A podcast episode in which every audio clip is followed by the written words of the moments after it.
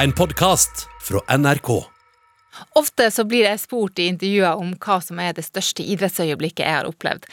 Og jeg kommer ikke utenom da Martin Jonsrud Sundby tok sitt etterlengta individuelle VM-gull i Seefeld i eh, 2019.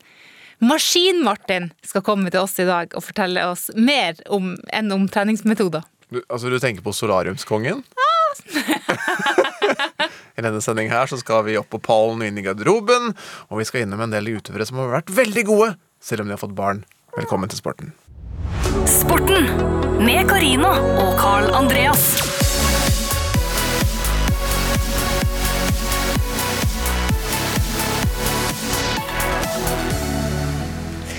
Ja, Syns du jeg har blitt bedre etter at jeg fikk barn? Bedre, ja. Det var jo kanongod i, i første, første comeback-episode, holdt jeg på å si. Men nå hadde du et barn fra før, da, så Ja. du var jo allerede meget god. Ja, ikke sant? Men altså, for en, for en prestasjon det er å føde barn. Jeg må bare få sagt det. Det er det. Men du skal vite en ting, da, og det er at de sier jo toppidrettsutøverne at eh, hvis du på en måte mange blir bedre av å få ett barn, eh, og det gjelder faktisk dagens gjest Martin Jonsrud Sundby, som ble en bedre utøver etter at barn nummer én kom. Spørsmålet er om han er god etter nummer tre. Ja, ja, ja, for det er der det er barn nummer to. Da begynner det å komme et skjæringspunkt der. Og så kommer barn nummer tre. Da sier mange da er det helt over. Martin Øystein Sundby har tre barn, men har fortsatt et VM han skal gå. Ja. Men du, vi må huske på at han tok VM-gullet sitt, det individuelle. Det tok han etter den andre ungen. Var ikke det første? Nei, nei. Han hadde fått to unger da. Ja, Så han har allerede motbevist den strategien om ett barn. Ikke sant? Så dette er en mann som ikke Han skal vi høre på. Det skal vi så absolutt. Du, eh, hvordan har du det? Jeg skulle hatt litt mer energi, føler jeg. Jeg vet ikke om du er enig, men er, det er det tungt nå, Kallan? er det mye for deg for tida? jeg føler det er litt mye, egentlig. Ja. Jeg gjør det, altså. Men jeg, jeg skal ikke klage. Det er du som sitter her med en uh, liten uh, Ja, baby på armen som uh, Skal vi se. Hold nå på.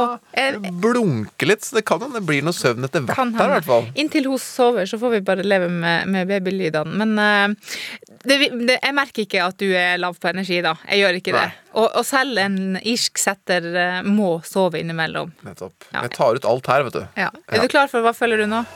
Hva føler du nå? Og det er en skandale. Det er fiasko. Og da kommer tårene.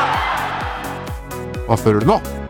Det har jo vært sånn nå at uh, Altså, Norge som land Vi er jo normalt veldig langt bak når det gjelder uh, idrett. Altså, vi er gode til å prestere, men endringer, det er vi ikke noe gode på.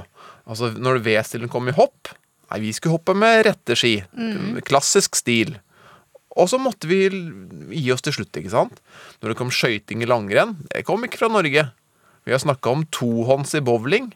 Kaste bowlingkula med to hender? Nei, i Norge skal vi, der kaster vi med én fortsatt. Men, men så, til slutt så må vi gi oss på ting fordi at uh, vi ser at andre er bedre. Men nå Nå er vi foran på noe.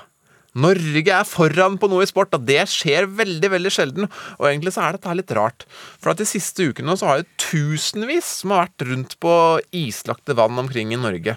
Eh, til og med det er liksom indre i Oslofjorden og Sandvika. Det var, altså, det var fullt tusenvis av folk. Politiet måtte jo eh, komme til å be folk gå avvisende, for de kunne jo ikke noe om is. Man skal være forsiktig. Ja, det- passe på hvor det, er, hvor det er vannet beveger seg. Aldri gå der hvor det er elver. Og det var jo folk gikk ned der, i hølet hvor andre hadde dette ned. Og det var mye tull og sånn. Men masse folk var på isen og opplevde det å gå på skøyter og hadde det fantastisk gøy. Eh, og da er det litt sånn artig å tenke på at det var svært få. Selv om flere har gått på skøyter enn noensinne kanskje den helga som var nå, så er det veldig veldig få som fikk med seg at Norges beste skøyteløpere skapte historie. For de gikk verdenscup i Nederland, og da gikk det noe som heter lagtempo. Da går man tre etter hverandre. Og så har de Det er jo alltid, litt som i sykkel, så lønner, er jo alltid mest slitsomt å være foran. Så da har de veksla, så den som er foran, legger seg bakerst, og så veksler de på hvem som drar. Men Norge gjorde noe helt nytt. For de hadde samme mann foran, samme mann nummer to, samme mann bakerst. Og så hadde de den sterkeste bakerst. Og vet du hva de gjorde? De gikk og dytta på hverandre. Så han som var foran, han var jo helt knekt da når det var før de hadde gått en tredjedel. Det er ikke så rart. Men så dytta de inn. og hadde én hånd på rumpa. Så to, andre mann hadde én hånd på rumpa til han som gikk først. Og så hadde tredjemann, som var sterkest, hadde én mann på rumpa til han nummer, nummer to. Og så fra da halvveis, eller litt tidligere, så gikk de og dytta da Allan Dahl Johansson inn. Hallgeir Engebråten var nummer to. Sverre Lune Pedersen, veteran, var nummer tre. Så dytta de seg fram og tok en verdenscupseier. Og revolusjonerte den disiplinen i skøyter. Så endelig så er faktisk Norge foran i noe. Jeg så det her, faktisk. Ja, du gjorde det? Selvfølgelig. Eh, og de vant jo faktisk verdenscupen òg men det. Syns jeg er litt morsomt. Vant verdenscupen, Ja, ja, ja. satte banerekord. De andre tenkte er det lov? Det kan da ikke være lov. Men det er lov. Jeg skal banne på det. Nå begynner de andre å dytte snart. Men eh, jeg skal ikke drepe historien din. Men, men USA har prøvd før. Ja, men de har ikke klart det sånn, Nei. da. De har ikke dytta, de har ikke dytta hele Det gikk veien. ikke fort nok. Nei, det gikk Nei. ikke fort nok. Men uh, Så Norge er, var nesten foran. Det var bare et lite land som het USA som hadde prøvd litt før, tydeligvis. da Men ikke med den suksessen. Og så må jeg jo faktisk bare ta med at jeg syns det var jæsklig artig at eh, Therese Johaug eh, endelig ble slått. Ikke fordi jeg ikke har noe mot Therese Johaug, men det blir litt mer spennende Ja. når svenskene er oppi der og tar oss. snakk for deg sjøl. Jeg liker når nordmenn vinner. Ja, svensk kone, vet du. På pallen og inn i garderoben. Det her er sporten. som nå skal opp på pallen igjen. Og vet du hva? Vi gjør som skøyteløperne. Eh, kanskje noen har gjort dette her i USA før òg, men, men vi prøver noe litt grann nytt, fordi at eh, vi, litt, vi er jo ofte veldig fornøyd med våre egne paller. Så syns jeg min er best, og du din er best. Men nå, nå nå gjelder det, skjønner du. For at eh, du vet, når det er snakk om paller, det er jo én plass som er surest av alt. Og det er fjerdeplassen, for den havner alltid utenfor. Det er forferdelig. Og i dag kommer vi til å få en fjerdeplass. Vi kommer til å få bronse, sølv og gull. Vi har med fire ting, og så må vi bli enige om To hver. to hver. Det hadde vært gøy hvis jeg tok med fire. Det var det Altså, jeg hadde enkelt. ikke blitt overraska. Kunne du tatt med fjerdeplassen, og så jeg de tre andre? og så skal vi bli enige om hva som skal få gull, sølv, bronse, og hva som ender opp med den sure fjerdeplassen. Og da skal jeg eh, først si hva som er kategorien. Og det er vi skal ha pallen i barn ingen hindring. Som er inspirert av Martin Jonsrud Sundby, som da rett og slett ble bedre som utøver etter at han fikk barn. Og det har også den eh, kvinnen her blitt. Paula Radcliffe, kanskje tidenes beste kvinnelige langdistanseløper, som har vunnet Hun kunne alt, egentlig, unntatt å spurte, derfor har hun ikke så mange måte, medaljer fra mesterskap eh, når det gjelder måte, friidrett. Men når hun begynte med maraton, da løsna det. London maraton, Chicago maraton, New York maraton. Og ja, masse har hun vunnet. Men kanskje den aller største prestasjonen er denne. For i januar 2007 fikk hun sitt første barn. Nå, kan en du ler, altså, men, men altså, det står at barnet Hun er fra Storbritannia. Det står at barnet heter ISLA, så jeg vil gjette på det er Ayla. Ja, det tror jeg. eller Isla heter hun sikkert oppe i Burfjord. men altså, dette var januar 2007. I november det samme året så skjer det her. For Paula now, she's just got to persevere, get her head down again and surge. Well, looks like she's doing it just there. She get- again went to the arm. She dropped into another gear. Slight incline right here, and she's driving it home again, trying to break Wami away. Paula's got her head down again. The gap is 10 yards. Will the surge put her in difficulty rather than her opponent? Here comes Paula Radcliffe. Once again, first to the line as the 2007 champion in the 38th edition of the ING New York City Marathon. What a battle those two waged. Hun går altså helt til topps i New York Marathon igjen, løper på 2.23,09 ti måneder etter at hun har født. Det er så sterkt. Det er rått. Ja, det er helt rått. Helt rått. Veldig god kandidat til pallen. Eh, min eh, første kandidat er også internasjonal. Dara Torres heter hun. Har du hørt om henne? Nei. Svømmer fra USA. Første amerikaner som eh, deltok i fem OL. Og, og tidsaspektet her er hennes første i LA i 1984. Hennes siste i Beijing i 2008. Da, da er du seig. Da har du, da har du svømt da er du seig, faktisk. Men hun ble altså uh, mamma til uh, sin uh, datter i 2006. Eh, konkurrerte 16 måneder etter den fødselen i US Trials for å da kvalifisere seg til, til mesterskap. I Beijing, 41 år gammel, i 2008, tok hun eh, tre sølvmedaljer. Ja, det er helt rått. Ja. Og, og, ja, altså, men, men det gjør noe med det. Altså, nå hører vi at det suges jo for alle Hva heter det? det er, Man blir veldig god på multitask. ja, man blir det det. Og du, altså seks uker siden er det omtrent det er litt mer, da, men det er jo ikke gamle jenta som er her nå, så, så det, det kommer noen ekstra krefter etter mor-greiene, altså. Det er helt, helt utrolig hva vi klarer. OK, din neste kandidat. Du, dette her er råsterkt. Min neste kandidat til pallen er altså en av de aller største innen friidrett. Vi skal til Alison Felix fra USA. Mange vil nok kjenne henne igjen fra et sånn at de kanskje ikke husker navnet, men at de så fort de ser henne på TV, så kjenner de henne igjen. Hun var fantastisk på 200 meter, fantastisk på 400 meter. Hadde 11 VM-gull i friidrett og, gjort, og masse gull fra OL. Og så bestemmer hun seg for å få barn i 2018. Og da skjer det. Jeg skal bruke bare ørlitt tid på det, for det som skjer når hun blir gravid Nå må du passe på at ikke du klikker i vater her. Det er altså at hovedsponsoren Nike de vil ikke betale full lønn lenger. Oi. Eh, og de vil heller ikke garantere at de opprettholder, opprettholder avtalen med henne hvis hun ikke presterer like bra rett etter fødsel. Fy faen. Det er, altså, Alexen Felix skriver da en kronikk i New York Times om hvordan hun føler seg straffa av Nike pga. at hun blir gravid. Straffa. Blir jo rævkjørt. Ja, og, og i Nike var det altså ledelsen var det bare menn. Alt ender opp, eh, ender opp med at eh, det sju år lange sponsoratet med Nike ikke blir forlenga. Eh, Nike får ganske mye tyn for dette her. Fortjent. Eh, og Felix får da, har da denne, dette barnet sitt, klarer å kjempe seg tilbake, får et annet, eh, et annet sponsor, som ikke er like stor som den Nike var, for Nike er jo liksom gigantisk, ikke sant? Men hun klarer å kjempe seg tilbake. VM i Doha i 2019 er hun tilbake, og løper annet 400 meter mixed stafett. Det stemmer ganske godt for Alison Felix òg. Vi kjenner igjen eh, steget, om ikke krafta og snerten er helt tilbake for fullt. Så står hun i hvert fall godt her. Ja, disponeringen er der. Der USA vinner på 3.09. Uoffisiell verdensrekord, Jamaica 2. Og så er det vel Bahrain som tar uh, tredjeplassen. Og hun er på vei mot OL-formen. Alison Felix får vi se om hun dukker opp også på 4 ganger 400 for eh, kvinner. VM-gull nummer 12. Ingen over, ingen ved siden. For i Doha, hun tar nemlig her, dette var det tolvte da, VM-gullet, så tar hun også et 13. VM-gull, og med det så går hun altså forbi Usain Bolt med den friidrettsutøveren med flest gull i historien. Hun er også kvinnen med flest eh, friidrettsutøveren med flest eh, OL-gull, seks. Og klarte altså å komme tilbake. Deilig at hun fikk litt has på Nike og klarer å komme seg opp igjen og vinne der. Jeg kjenner at jeg har kjøpt mitt siste Nike-plagg. Altså. Det er nesten på det nivået. Ja, det var litt provoserende Ja, det er kjempeprovoserende. Men eh, eh, meget sterkt av eh, Felix. Vi Du kan har én igjen. vi- Er det fjerdeplassen? Nei, det er det overhodet ikke. Det er, vi, kan, vi kan ikke ha denne lista uten å nevne Marit Bjørgen. Nei. Nei, jeg, jeg, jeg regna med at du skulle Ja. ha henne, faktisk. Ja.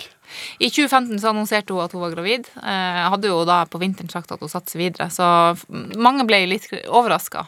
Men hun skulle jo bare få barn, og så skulle hun satse videre. Marius kom til verden i, i romjula i 2015. Og så gikk hun og sånn Marit Bjørgen-turen i 2016, men, men eh, hun hun, eh, hun ga nok litt for mye gass den første vintersesongen. Hun hadde jo egentlig tenkt at hun skulle gå ha vært Marcialonga eller noe skarverenn og noe greier. NM var også snakk om at hun skulle liksom ta noen små deltakelser i den, den første vinteren, da. Men selv ikke Marit Bjørgen eh, er så sterk at hun kunne ta NM-gull samme vinteren.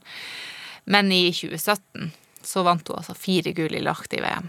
Eh, dronning. Og i 2018 Vi husker jo alle det da hun tok det tremilsgullet der borte i Sør-Korea.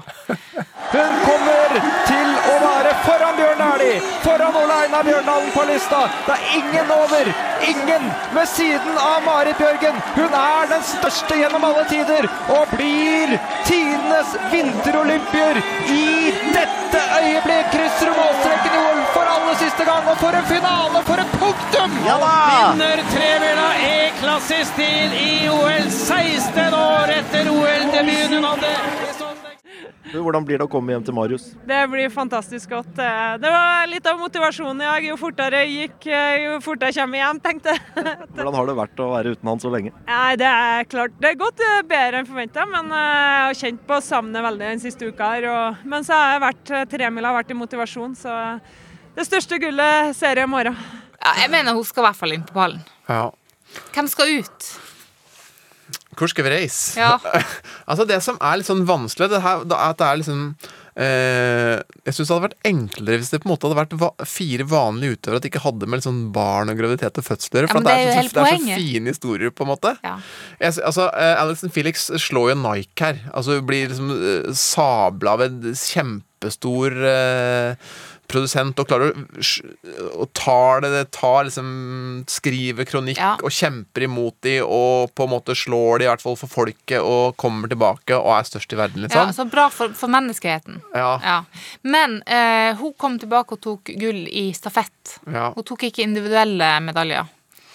Um, skal, man, skal man sette individuelle prestasjoner før stafett, så må jo Dara Torres foran henne. Og du vil ha svømmeren foran? Jeg følte vi kunne ha svømmeren på fjerde. Nei. Hun er ha- 41 år. Hæ? Men Felix er jo Altså Felix er jo er jo på en måte Altså Hun er den største friidrettsutøveren vi- noensinne. Men vi, vi rangerer jo ikke hvem er de største uh, friidrettsutøverne noensinne etter at de fikk barn. Nei, vi, in, vi, vi hedrer folk som har gjort det bra etter at de fikk barn. Ok, Hva med å løpe maraton samme året? Ja, den er sterk. For det er jo en ting er å sitte på en sykkel, etter annet, men liksom, i vannet flyter du jo. Hun her løper jo 42 km. Tenk deg alt som er løst og Jeg har løpt maraton, har jeg sagt det? Nei? Nei, jeg har løpt maraton tre ganger. Ja. Så hvis du kan se for deg at du skal løpe om ni måneder, da? Og, vi tar, og vinne? vi tar Paul Radcliffe inn på pallen. Bronse, da. Bronse der. Nå må vi bestemme oss. Ja. Uh, Marit Bjørgen. Hvis jeg får Marit Bjørgen på første, så kan du ta ut svømmeren. Ja, greit, da tar vi det.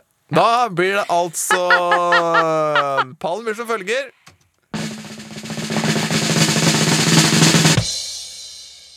Det ble svømmeren på fjerdeplass, som jeg ikke husker hva heter engang. Dara Torres. Dara Torres, ja. Og så ble det Paula Radcliffe da, som tok bronse.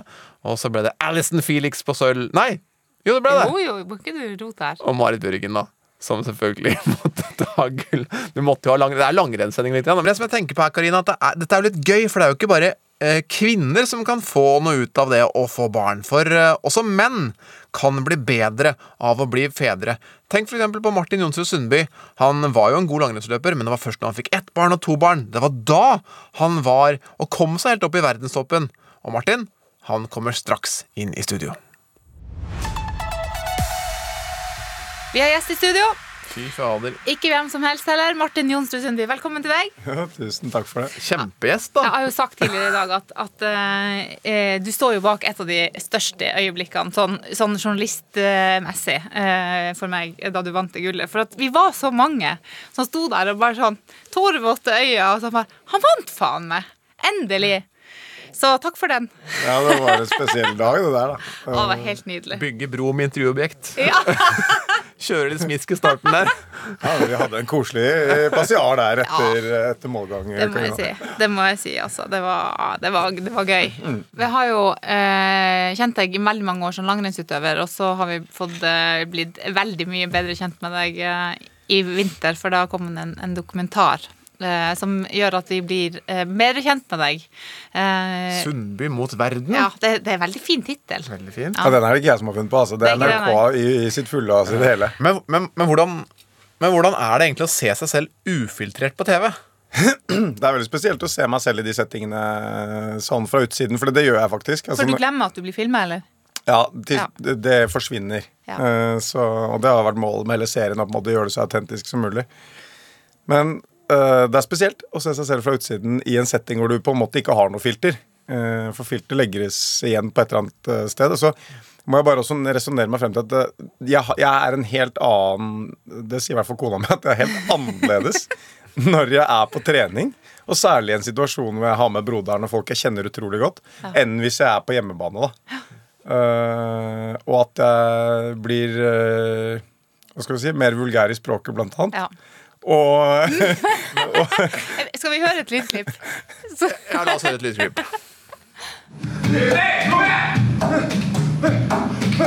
Hold kjeft, da! Jeg må få, få siste squeezen av sitronen her nå. Siste saften.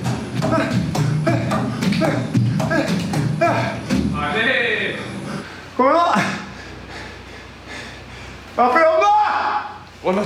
Faen! Han er i den posisjonen hvor han skal kunne smelle til meg hele tiden. Så lenge det gjør han godt. Helvete! Ikke noe jævla shaking of hands! Vet at du skal ha saks. Skal faen ikke ha noe saks! Altså, Jeg har flirt sånn av denne episoden. der altså Da Martin på trening skal eh, sette en pers av noe slag, hvis han gjør det, så skal broren Sondre klippe av seg håret. Og når han da er ferdig med å slå den rekorden, så tror Sondre at han skal gi han handa for å gratulere han. Eh, Men han skal jo ha faen ha laktat! Kom på jobb! Helt riktig. Altså, Det er så nydelig at du viser den sida av deg sjøl. Eh, Ja, jeg syns jeg viser den vel mye da, i den serien, men, eh, men det er Som jeg sier, jeg kobler ut at, at det er kamera der. Og så og blir jeg veldig Jeg blir fryktelig Jeg er ekstremt kravstor til meg sjøl i treningssammenheng. Og på en måte, hvis jeg ikke er på uh, mentalt, eller, da, da er jeg ordentlig skuffa hvis jeg drar hjem fra en treningsøkt. Men så blir jeg, som jeg sier i serien, jeg blir veldig sånn opptatt av at da skal folk rundt meg jaggu være på Ja. Eh, Så hvis jeg føler at han uh, fader ut, eller konsentrasjonen er et annet sted, eller kommer med andre mennesker inn og forstyrrer, eller gjør ting som man Da, da har jeg akkurat så stor avstand mellom tredje og femte gir, som han sier, han Sondre Matre. Da, da, da girer jeg altfor kjapt opp, eh, sånn i forhold til hvordan resten av livet fungerer. Forhåpentligvis. Men, eh, og litt sånn sjokkert over meg selv i enkelte situasjoner. Men, men jeg tror det handler om passion og lidenskap. Jeg tror på en måte hele den der smeltedigelen av følelser som er inni en sånn treningsøkt. Gjerne en økt sånn som dere hørte nå, som er knallhard. Det er gjerne en test og skal vise at du duger. Eh, jeg eh, Og så blir jeg av og til, må jeg si, sorry etterpå, da. Eh, Så vi har måttet ta litt sånn oppgjør med oss selv på det. Og Marikke sier men du er jo ikke sånn hjemme. Hvorfor? Hva er det som skjer? Er det, hva skjer når du og Sondre er sammen, liksom? Så eh, det, er, nok en viss forskjell på Martin eh, hjemme i stua og Martin på trening. Jeg tror det, altså. Uh, har, har sånn sett det her? Ungene? Eh, Ungene har sett det. Vi har dessverre vi har måttet ta konsekvensen av enkelte scener. Ja. Ja. Vi, vi, har, Er det beeping, eller? vi har bannekasse hjemme. Det klarer det, ja. Vi har fått en bannekasse. Hvordan i praksis fungerer det? Det, I praksis Det startet bra fordi at det, det ble sånn at eh, hver gang jeg bannet hjemme Nå er ikke det så ofte, heldigvis. Men da måtte jeg putte eh, en femmer på en sånn eh, krukke vi har hvor det står bannekasse Ja. hjemme. Så gikk jeg tom for femmer etter hvert, så nå må jeg begynne med vips. så det blir sånn vips. Og, og da, og, så hver gang du banner i serien, så må du over Ipsi i banekassa? Nei, det er litt annen Dette her handler på hjemmebane, da. Ja. Vi har blitt eh, enige om at TV er TV, og så er det hjemmebane. Men det er egentlig en ganske fin, fin måte å løse på at, at bannskap kommer jo til å skje på et tidspunkt. Altså, Jeg tenker på meg sjøl hjemme også. Mm. Eh, jeg har jo et og annet bannskapsord i, det ligger ligge noen, i ligge, noen kroner i banekassa di òg? Ja, så det, det, var, en- det var et godt tips. Skal jeg ta med meg. Men, men Martin, nå, nå har vi altså vært litt i serien, men vi må litt tilbake til når du på en måte var yngre. For altså, du var kjempegod som ung, og så hadde du en periode hvor du var ungdom, hvor du på en måte drev litt andre ting, og så på en måte tok du grep, for da ville du få orden på karrieren og bli på en måte best igjen. Men det var ikke bare trening du var opptatt av. Var det en periode der du, du eh, dro i solarium? Nå har dere kildene deres. Det, det, det er derfor ikke vi har hatt noe prep før denne sekvensen her. Det er for at alle spørsmål er helt på kanten. Jeg har et øh, Ja. Øh, jeg hadde mange interesser litt over øh, på den forfengelige siden øh, tidligere i livet. Øhm, så ja, jeg må vel snart bytte ansiktshud, tenker jeg. I forhold til øh, påkjenning som ble på øh, Ja, For det var kanskje litt, litt på grensen?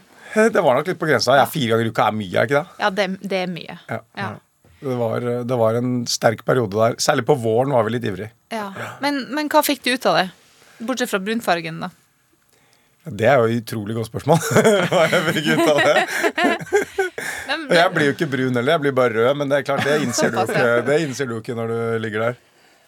Eh, Men jeg, hva jeg fikk ut av det, er vanskelig å si. Altså. Eh, Men vi frekventerte veldig mye mellom eh, styrke, styrkerommet og, og solarium en periode der. Men det var spesielt på, vår, på våren. Jeg må, jeg må Ja, jeg presisere det. jeg, jeg syns ikke det er sånn skispesifikk uh, forberedelse til skisesongen. Det å gå styrke, styrkerom og, Og solarium, det er vel kanskje andre sesonger man forbereder seg til da. Ja, det var jo for så vidt det vi gjorde da. Ja. Et langt perspektiv frem mot sommeren der. Ja. Begynte i april, Ja. når vi var lei av skia.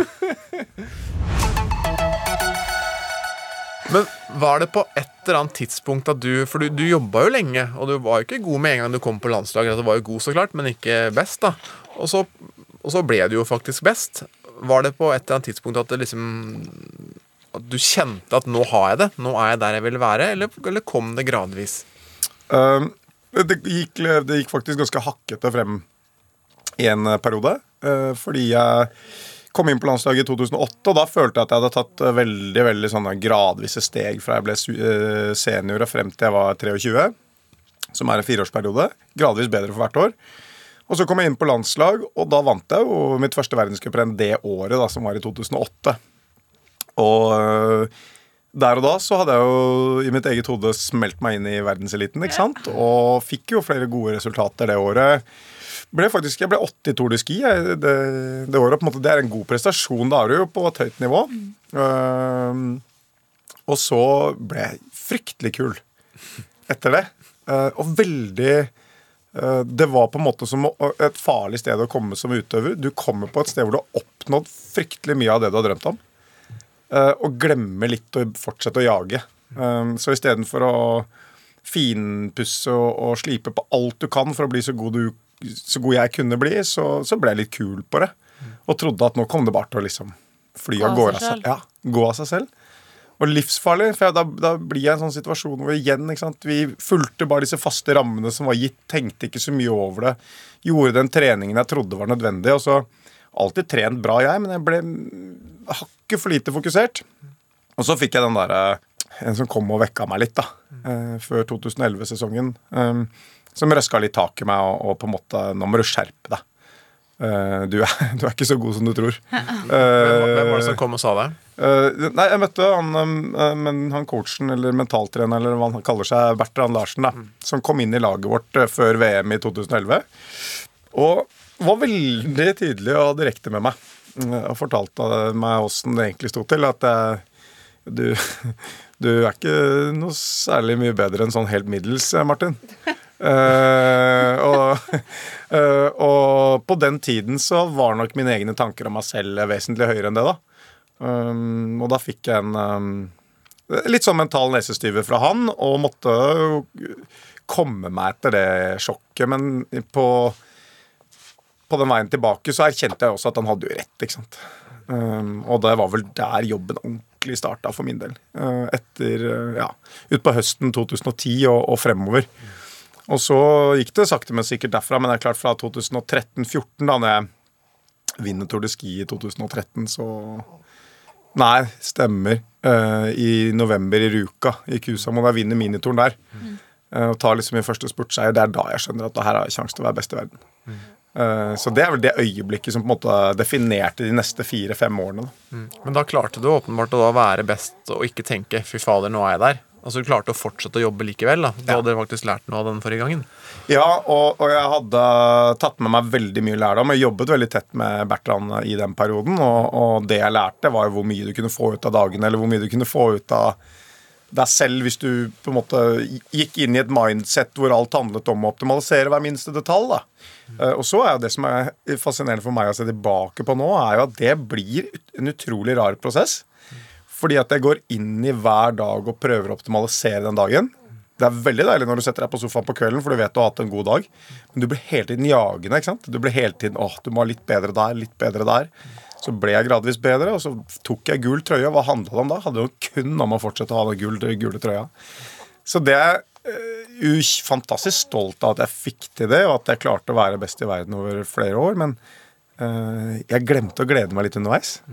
Faktisk. Det er dumt. Ja, det er dumt. Ja. Uh, og det er sånn jeg har brukt uh, som er fascinerende nå. Nå kan vi vel være ærlige, folkens. Jeg er jo på god vei ned. Eh, men eh, men eh, det, er, eh, det er sånn som er litt eh, fascinerende å reflektere over nå. At jeg kunne kanskje ønske at jeg brukte noe mer tid på å kjenne på reisen underveis, da. Ja. Framfor å hele tiden jage, jage, jage. Fordi det handla ikke om å nyte når jeg vant et skirenn. Det handla kun om å hva skal jeg gjøre i morgen for at jeg skal vinne neste helg òg, på en måte. Og du, og du har jo ikke du har jo ikke liksom Du har jo ikke lagt opp ennå. Du skal jo gå i VM, og du skal gå et renn der, men du sier liksom du er på, på vei ned. Og jeg har jo snakka litt med kompiser som sier at han der må vi, vi må, no, noen må ta fra han skia for at han skal legge opp en eller annen gang. Ser du for deg at du skal slutte? Legge opp noen gang? Uh, ja, Det er et utrolig godt spørsmål. Annenhver dag så gjør jeg det. Gjør du det? Ja, annenhver dag så er jeg på en måte inne i den eh, sfæren at jeg, åssen blir det livet? Ja. Og så kommer dagen etterpå, og så er det en fantastisk treningsøkt. Og så blir det sånn Dette her må jeg bare fortsette med. Kan ikke slippe. Ikke sant, dette her. Og, og det er øh, Jeg tror det er så rart, det spørsmålet. Det er så rart å reflektere over, og hvem som helst andre kan sette seg i den situasjonen. Liksom kommer til deg og spør når skal du legge opp som radioreporter. Når skal du finne på noe annet, da? Uh, fordi man skaper seg en identitet, og dette har vært identiteten min siden jeg var ni år. Um, så åssen jeg på en måte bare skal uh, Fordi jeg går litt saktere på ski nå enn jeg gjorde på mitt aller beste, så skal jeg ikke gjøre det mer. Det er jo spesielt. Uh, jeg elsker det jeg driver med, samtidig som at jeg innser også at um, alt har sin tid, selvfølgelig. Og det er på tide å begynne å sneie innom tanken på å finne på noe annet. Det, det ser jeg selvfølgelig. Altså, jeg bruker å si sånn eh, hvis, vi, hvis vi skal eh, hvis, vi, hvis vi er på besøk og så skal vi dra, så skal vi tenke på det. Eh, og da, da er det sånn vi begynner å tenke på det, og så, så går det en stund. Mm. Og du sier du har tenkt på det. Mm. Men, men ser du for deg et tidsperspektiv på når plasteret blir revet av? Ja. Det, Når? når? Nei, det kan jeg ikke si her. Det klarer du ikke. Jo da, jeg har, øh, jeg har øh, tenkt øh, lenge og vel, jeg, og jeg har en bra Jeg har en bra plan akkurat nå, altså, men nå må jeg jo spare til den dokumentaren min nå. Ja, ikke sant?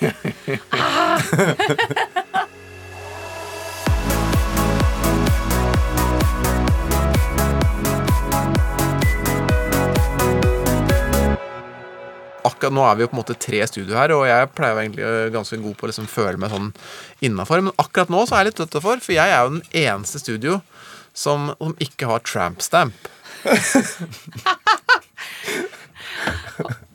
Skal vi snakke om det? Skal vi, skal vi forklare hva det er for dere yngre lyttere? Det er altså en er tatovering er nederst på ryggen. En trenger ikke å fortelle hva det er. Ikke sant? Det høres jo litt sånn øh, eksotisk ut. Jeg trenger ikke å definere det. Men vet du hva, Martin? Jeg eh, flytta jo til Oslo i 2006. Jeg, fikk jo, jeg tok jo denne tramstampen på min 20-årsdag. Mm. Eh, endelig skulle få gjøre som jeg ville. Kan du beskrive hvordan den ser ut? Det er en, eh, det er en, figur av en steinbukk eh, i stjernetegnet mitt. Det er helt, det er helt natta. Men da var det det kuleste man kunne ha. Mm. Uh, og når ble jeg 20 år? Jo, i, i 2002 må det jo ha vært. ja. Ja. Og så flyttet jeg til Oslo i 2006, og så blir jeg kjent med Anne. eh, Når vi, Anne Rimmen, som vi jobba i lag. Og så var vi på første ferien i lag i 2011, og så sier hun Nei, faen, har du trampstamp? Og jeg bare Trampstamp? Jeg, har ikke- jeg visste ikke at det kaltes for trampstamp. Det måtte jeg liksom til Oslo, storbyen, og, og eh, fancy Anne Rimmen for å få vite at, det, at, det, at jeg hadde noe så jævlig. Hva var følelsen etterpå, da? På en måte? Hvor har du den, forresten? Jeg har den nederst på ryggen. Ja, du har den ja, Nederst ja, på ja. ryggen. ja, det er Det det, samme sted, det. dere to. Nei, har du Så du har steinbukk, altså. Hva er det du har nederst på ryggen? Nei. Man ser du eh, litt i serien, da, men du kan jo forklare litt. Ja, hva er det jeg har? Jeg har en eller annen tribal, som det heter. Ja, det er det. Enda verre. Ja, Det er faktisk verre enn steinbukk. Steinbukk betyr jo i hvert fall et eller annet. Ja, men det er jo så latterlig. Ja, For du fant liksom et mønster du likte, på en måte. Noe... Helt riktig. Ja. Syns det var veldig kult. Og så hadde jeg dypt inni meg på den tiden Så hadde jeg en ambisjon om at denne skulle bare vokse oppover. ikke sant? Ja, ikke sant? Det hadde jeg òg, faktisk. At Ja. den skulle oppover skuldra. Hvordan skulle den steinbukken vokse oppover? Ja, nei, den skulle by Skal få, ba, få lam, da. For killinger. Det som er gøy, er jo at på den tida jeg tok det, så skulle jo bukselinninga være veldig lav. Mm. Så hver gang man bøyde seg, så, Mm. så flasha man jo den der. Ja, ja, ja. Og så hadde jeg fått min første jobb som nyhetsjournalist i, i Bladet Tromsø, og så bøyer jeg meg ned, så roper jeg en kollega som heter Jon Hva i helvete, Karina, har du KrF-logo på ryggen? så etter det så begynte jeg å bruke veldig lange T-skjorter.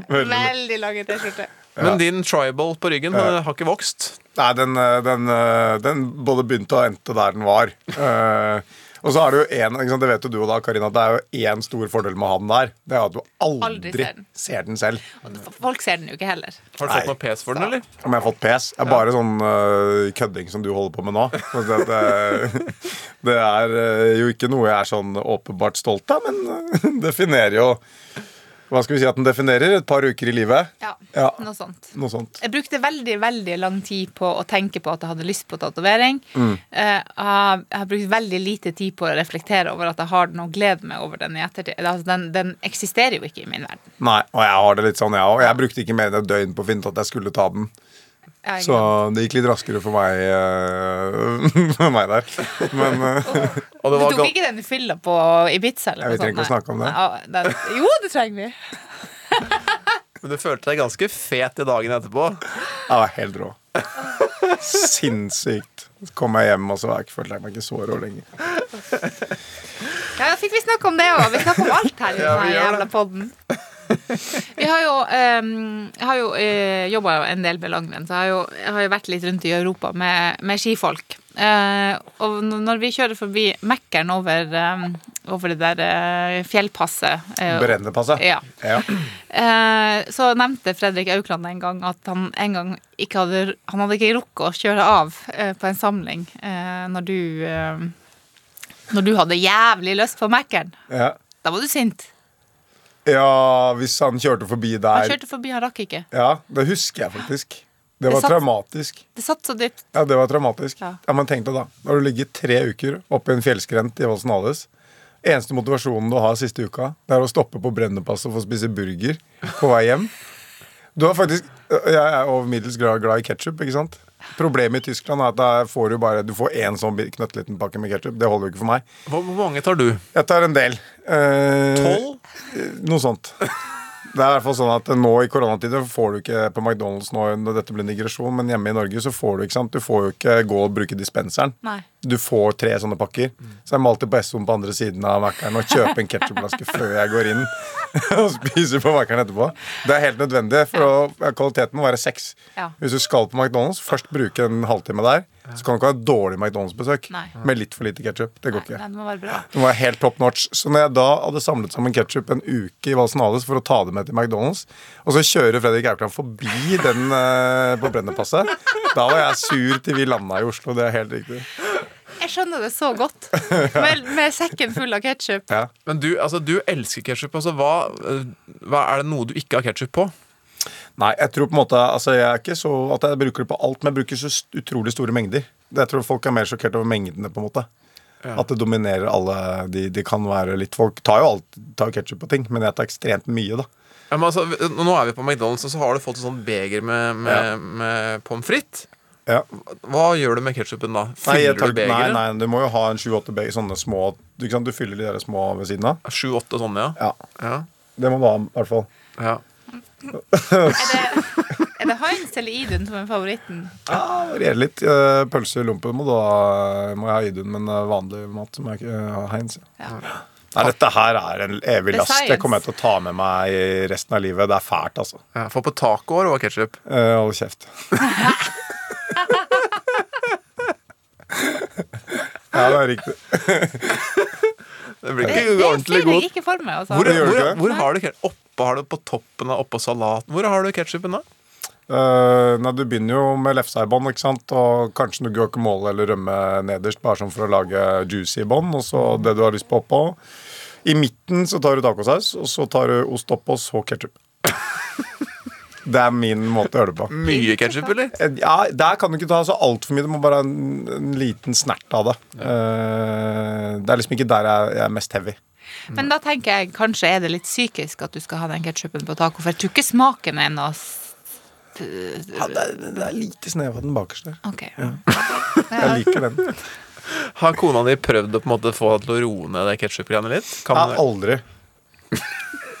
Ironien lenge leve?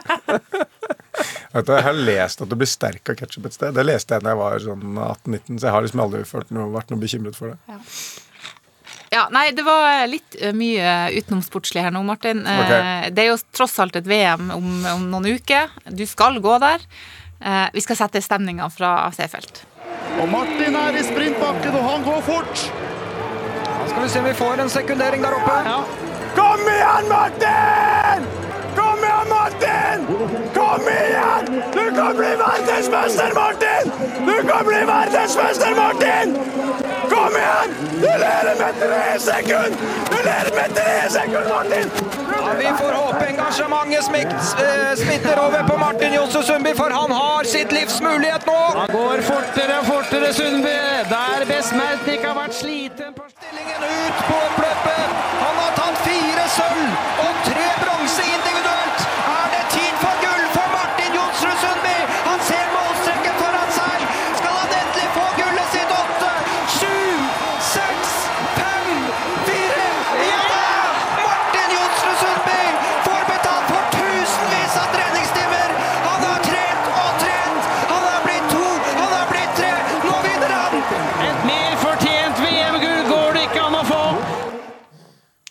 det var ganske fortjent.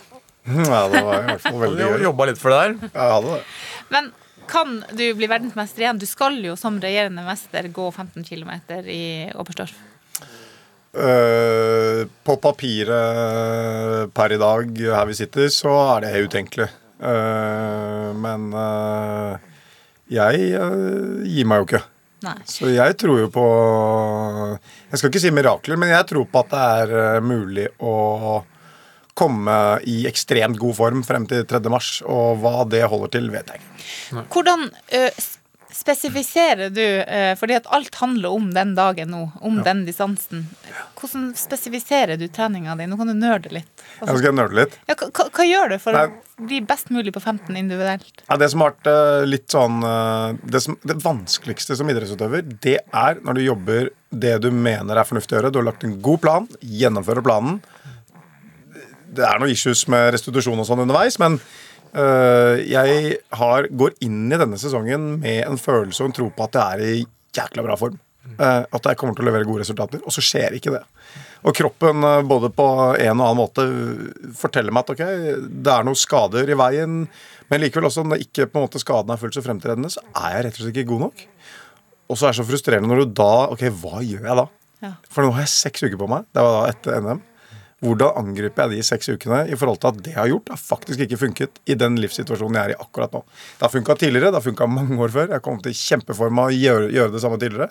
Nå funker det ikke. Hva gjør jeg? Og det har vært en øh, Det blir utrolig frustrerende, men også kjempespennende. i en mulighet, da. Men jeg har seks uker, så jeg ble nødt til å trekke et sånn sånn jeg ser det. Jeg måtte dra ett lodd i forhold til hva jeg rekker å få til på seks uker, og hvor mye jeg kan påvirke kroppen. Eh, Så det loddet har jeg tatt, og det blir jo bare Det er dødsspennende å se om jeg får noe igjen for det. Gjør du, gjør du noe helt annerledes enn det Jeg du gjør noe, før? jeg gjør noe helt, helt motsatt.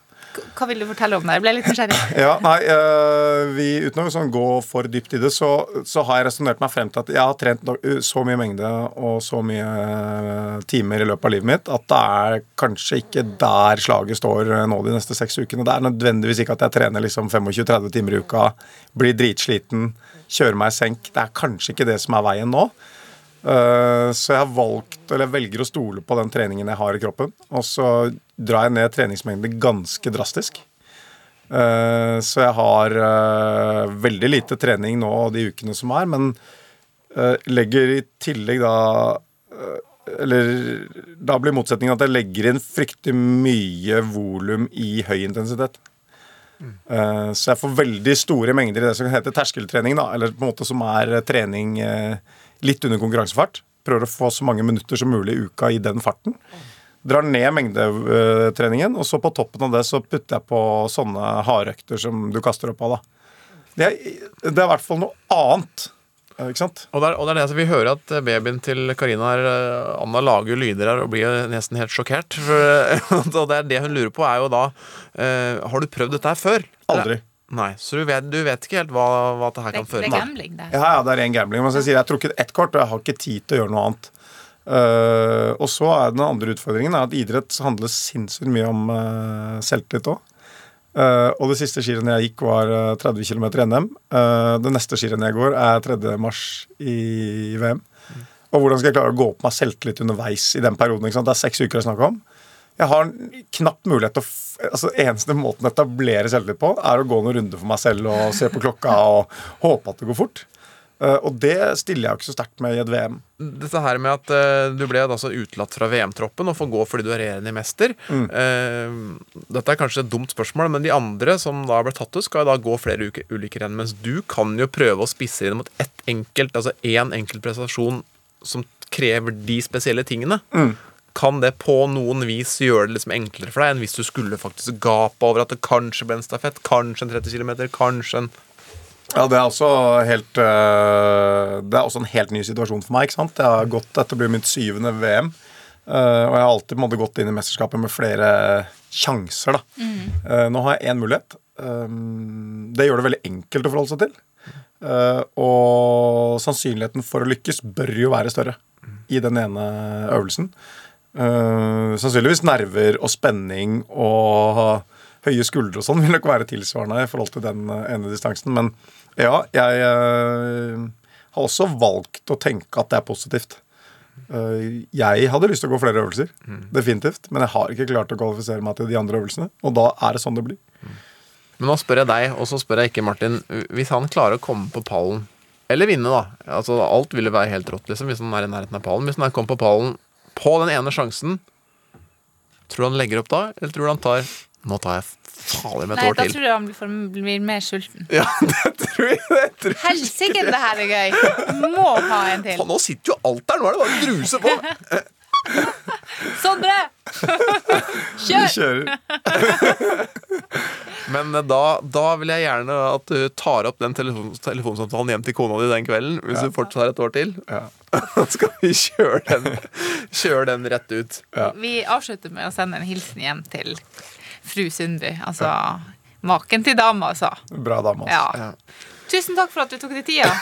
Tusen hjertelig takk for Og meg. så, og så gleder vi oss til VM. Ja, det gjør jeg òg. Gjør det, altså. Uansett. Og så blir det spennende synes jeg, å se hvordan det blir for deg når du kommer til det sivile liv. Hva i alle dager jeg skal finne på? Jeg er spent på det. Vi skal lage, lage TV-serier, det faktisk Da inviterer vi deg på nytt. Takk skal du ha. Takk for at du kom. Tusen takk. Trebarnsfar, altså, og jeg vil påstå at han er en outsider i VM i oversurf. Ja, faktisk, altså. Og nå starter vi her med å si at tre barn, da var det på en måte over. Men det har skjedd større ting enn eh, det i idrettens verden. Han plutselig skulle klart nå å gå helt topps. Og utrolig for et manus hadde det blitt til en kjempefilm. Jeg skal se den filmen hvis den kommer. Den filmen. Men, men det er litt deilig å vite at selv om han på en måte er så punch og så hard som han har vært, så han har sine lyter, han òg. Ja. Folk er folk. Ja, han har også godteri i bilen. Og, og ketsjup.